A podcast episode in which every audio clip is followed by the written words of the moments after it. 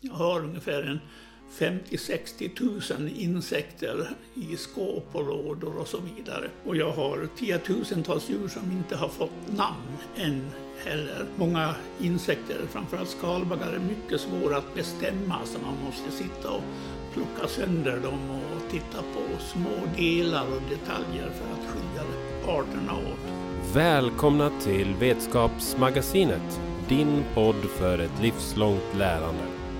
I den här podden kommer vi att presentera ämnen ur natur och kultur. Vi kommer att sända miniserier, personporträtt, möta hemmaodlare, musiker, dansare, skådisar, konstprofessorer, surdegsbagare, entomologer, språkvetare och dialektforskare samt mycket mer. Vetskapsmagasinet är en podcastproduktion av Medborgarskolan och vi finns där poddar finns.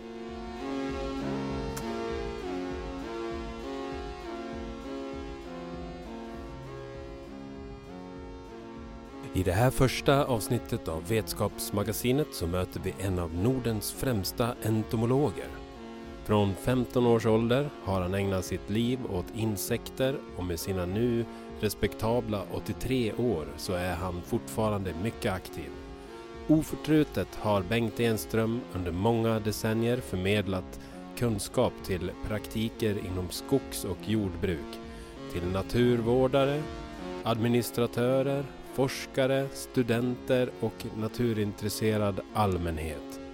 Han har verkat som en levande kunskapsbank, inspirationskälla rådgivare, folkbildare, forskare och författare. Ingen svensk entomolog har påverkat svensk naturvård så mycket som Bengt Enström. Bengt har varit med och bildat databanken för hotade arter, nuvarande Artdatabanken. Och det har blivit ett 80-tal publikationer genom åren, såväl strikt vetenskapliga som mer praktiskt inriktade och populära. Förutom sitt naturvårdsarbete har Bengt Enström också intresserat sig på djupet för gammal fäboddrift och riktat in sig på bland annat Finnmarken i Västerdalarna. Vilket vi kommer att höra honom berätta i det andra avsnittet i den här serien om Bengt Enström och hans livsverk i natur och kulturvårdande landskap. Nej, jag är som sagt född i, i skogskanten här uppe i Västerdalarna.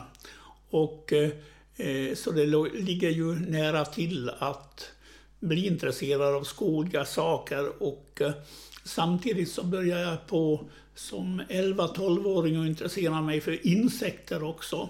Så man kan säga att skogens insekter försörjde mig ända från jag var 17 år åtminstone då jag fick en eh, fältassistenttjänst på Skogshögskolan i Stockholm tills jag var 67 år. Så hela mitt liv fick jag genom insekter och skog vara kvar på samma arbetsplats. Och det tycker jag är eh, rätt fantastiskt alltså. Och eh, sen så småningom så läste jag då på Stockholms universitet och eh, avlade så småningom en filkand-examen där. Under tiden, eh, till stora delar, så arbetade jag kvar på min arbetsplats då vid Skogshögskolan i Stockholm. Den låg ju kvar i Stockholm då. När jag var klar med min filcancer då fick jag ju en assistenttjänst och en forskartjänst kan man säga på Skogshögskolan. Och samtidigt så utlokaliserades vi då till Uppsala. Och så småningom så gifte jag ju mig och fick två barn också. Så, och sen eh, hade jag även så småningom en en fäbodstuga här i, i eh, Nås och komma tillbaks till också eftersom det var en speciell känsla att bo någon, någon vecka eller några dagar åtminstone uppe i en fäbodstuga och leva ett ursprungligt liv. För jag har alltid varit väldigt intresserad av gamla fäbodliv och så vidare så jag har hållit en lång rad med föredrag under senare år just i det ämnet. Men samtidigt, hela tiden, så hade jag ju fantastiska möjligheter att komma omkring i hela Sverige. Och mer till kan man säga också. Och eh, sen har jag försökt rädda de arealer som fanns kvar här av ehm, eh, orörd skog kan man säga. Orörd och orörd. Det var väl kanske någon som hade ham, eh, hämtat någon torrgran eller något sånt. Men eh, de var i alla fall eh, eh helt räddade från, kan man säga, eller rättare sagt sparade från ett rationellt eh, skogsbruk. Så att eh, jag kan med glädje då summera ihop att vi eh, jag har väl medverkat till att vi har fått en fyra, fem naturreservat här i socknen. Ett par av dem är i alla fall mellan 30 och 50 hektar stora. Och där har jag ju hittat eh, för landet nya skalbaggsarter och så vidare. Jag har till och med hittat eh, här och på några ställen söderut också för vetenskapen nya arter. Eh, så jag har en liten bagge som är Europas minsta skalbagge uppkallad efter mig. Den heter Baranovskiella enströme, enströms dvärgfjädervinge. Och det är ju roligt att ha någonting lämnat efter sig sen man lämnar in för gott här.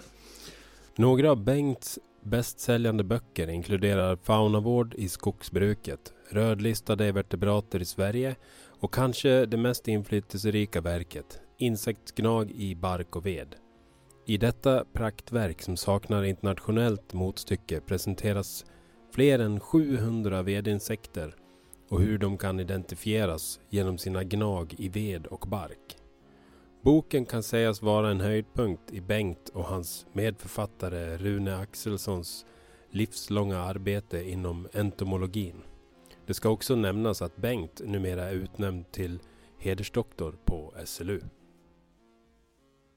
Vi hade ju fältstationer i Sverige. Vi hade en nere i Kolmården, vi hade en nere i Blekinge och samtidigt fick vi också en fältstation under några år uppe i Arjeplog.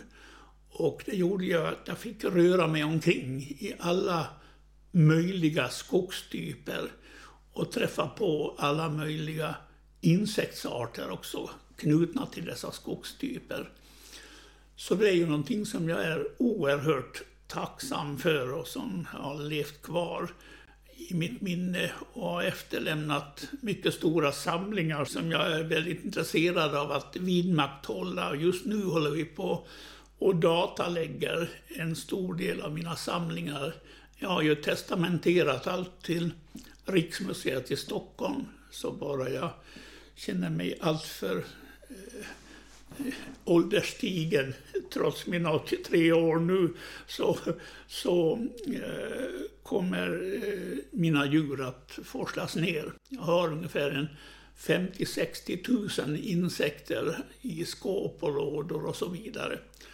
Och jag har tiotusentals djur som inte har fått namn än heller.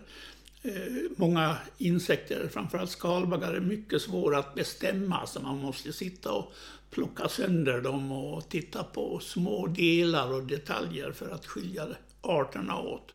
Så hur kommer det sig att man i de tidiga tonåren blir så oerhört intresserad av insekter? Mycket hänger på en lärare som vi hade på realskolan i Vansbro, alltså högstadiet kan man säga i Vansbro. Han var känd eh, entomolog, alltså insektssamlare. Eh, han var kvar några år där och han eh, lärde mig ganska mycket. Och han, sen hade jag, jag hade hand om honom aldrig som lärare, men jag råkade honom många gånger, en läroverksadjunkt i Falun som hette Einar Klevbäck. Och han hjälpte mig sätta namn på en hel mängd med svårbestämda arter.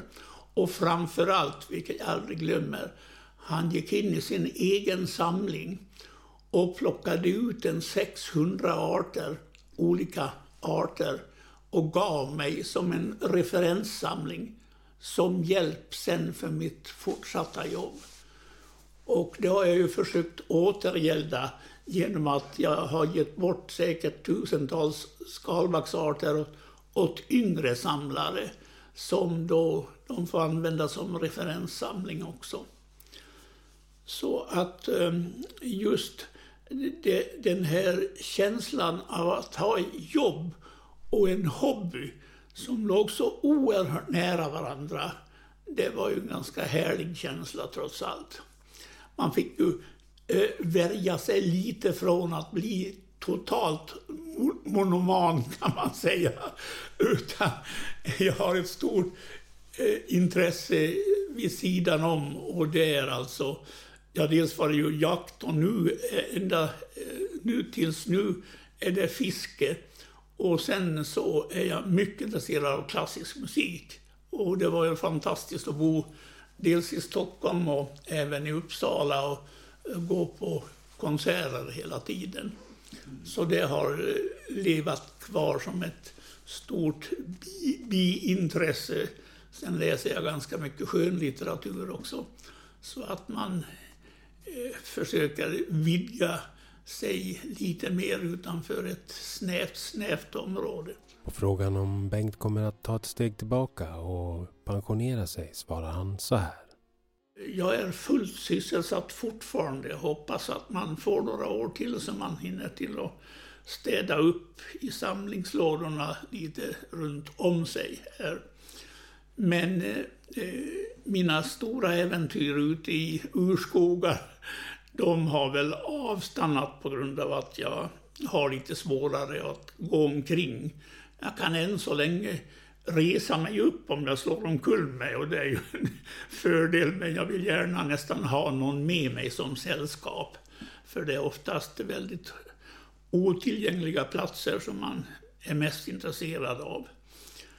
Och så att, eh, sen har jag ju engagerat mig då väldigt mycket i, i naturvård i skogen. Jag har ju skrivit en eh, rätt tjock bok på en 300-400 sidor som handlar om faunavård i skogsbruket just rörande den lägre faunan. Och det är ju inte bara skalbaggar utan det är ju alla eh, ryggradslösa djur som den, eh, det arbetet eh, omfattar. Så småningom när jag hade jobbat i cirka knappt 60 år på med eh, skogsskyddsfrågor, alltså skadeinsekter. Så då kom jag in på mer och mer naturskyddssidan med, med eh, just insekter och skog och även insekter och det öppna landskapets fauna också. Men framförallt skogsdelen. Så jag arbetar ju rätt mycket åt Naturvårdsverket och kanske framförallt till åt Skogsstyrelsen. Så eh, under rätt många år så var jag nästan halvtidssysselsatt med att då skriva böcker och göra utredningar och ha kurser över praktiskt taget hela landet åt Skogsstyrelsen. Och det medförde att jag så småningom fick då Skogsstyrelsens fina guldmedalj som tack för det också. Det var mycket trevliga år. Jag passade ju på att förlägga en hel del kurser här i Nås. Bara för att här kände jag ju eh, alla små guldkorn i skogslandskapet som fanns kvar. Och eh, så att det var ganska lätt för mig att ha kursverksamhet här. Det är ju, kan man säga, tyvärr så att Nås dominerades ju redan för en hundra eh, Eh, 30-140 år sedan kanske av ett, ett stort skogsbolag. Eh, och eh, som gör att i dagens läge äger de, tror jag, 75 procent av skogsarealen här i Nås. Och det gjorde ju att jag på ett mycket tidigt stadium märkte hur alla mina, kan man säga, små hotspots jag sprang omkring och tittade på olika eh, insekter som man absolut inte hittar överhuvudtaget i kulturskogen längre. Men de fanns kvar här, här och där i skogsdelar som fanns mer eller mindre orörda. Och eh, det gjorde ju att eh, man reagerade mer och mer och eh, jag fick ju redan på 1960-talet ett reservat då äntligen eh, då fredat. Och det var inte från skogsbolagets mark utan det var privatägt, men i alla fall. Och eh, sen har jag försökt rädda de arealer som fanns kvar här av eh, orörd skog kan man säga. Nästa avsnitt i miniserien om entomolog Bengt Enströms liv i skogen kommer vi bland annat att få höra om fäbodliv och kulturbevarande ute på Finnmarksskogarna. Vi hoppas att ni haft en trevlig lyssning med oss här på Vetskapsmagasinet, en podcastproduktion av Medborgarskolan. Jag heter Andreas Bayer och Vetskapsmagasinet finns där poddar finns. På återhörande.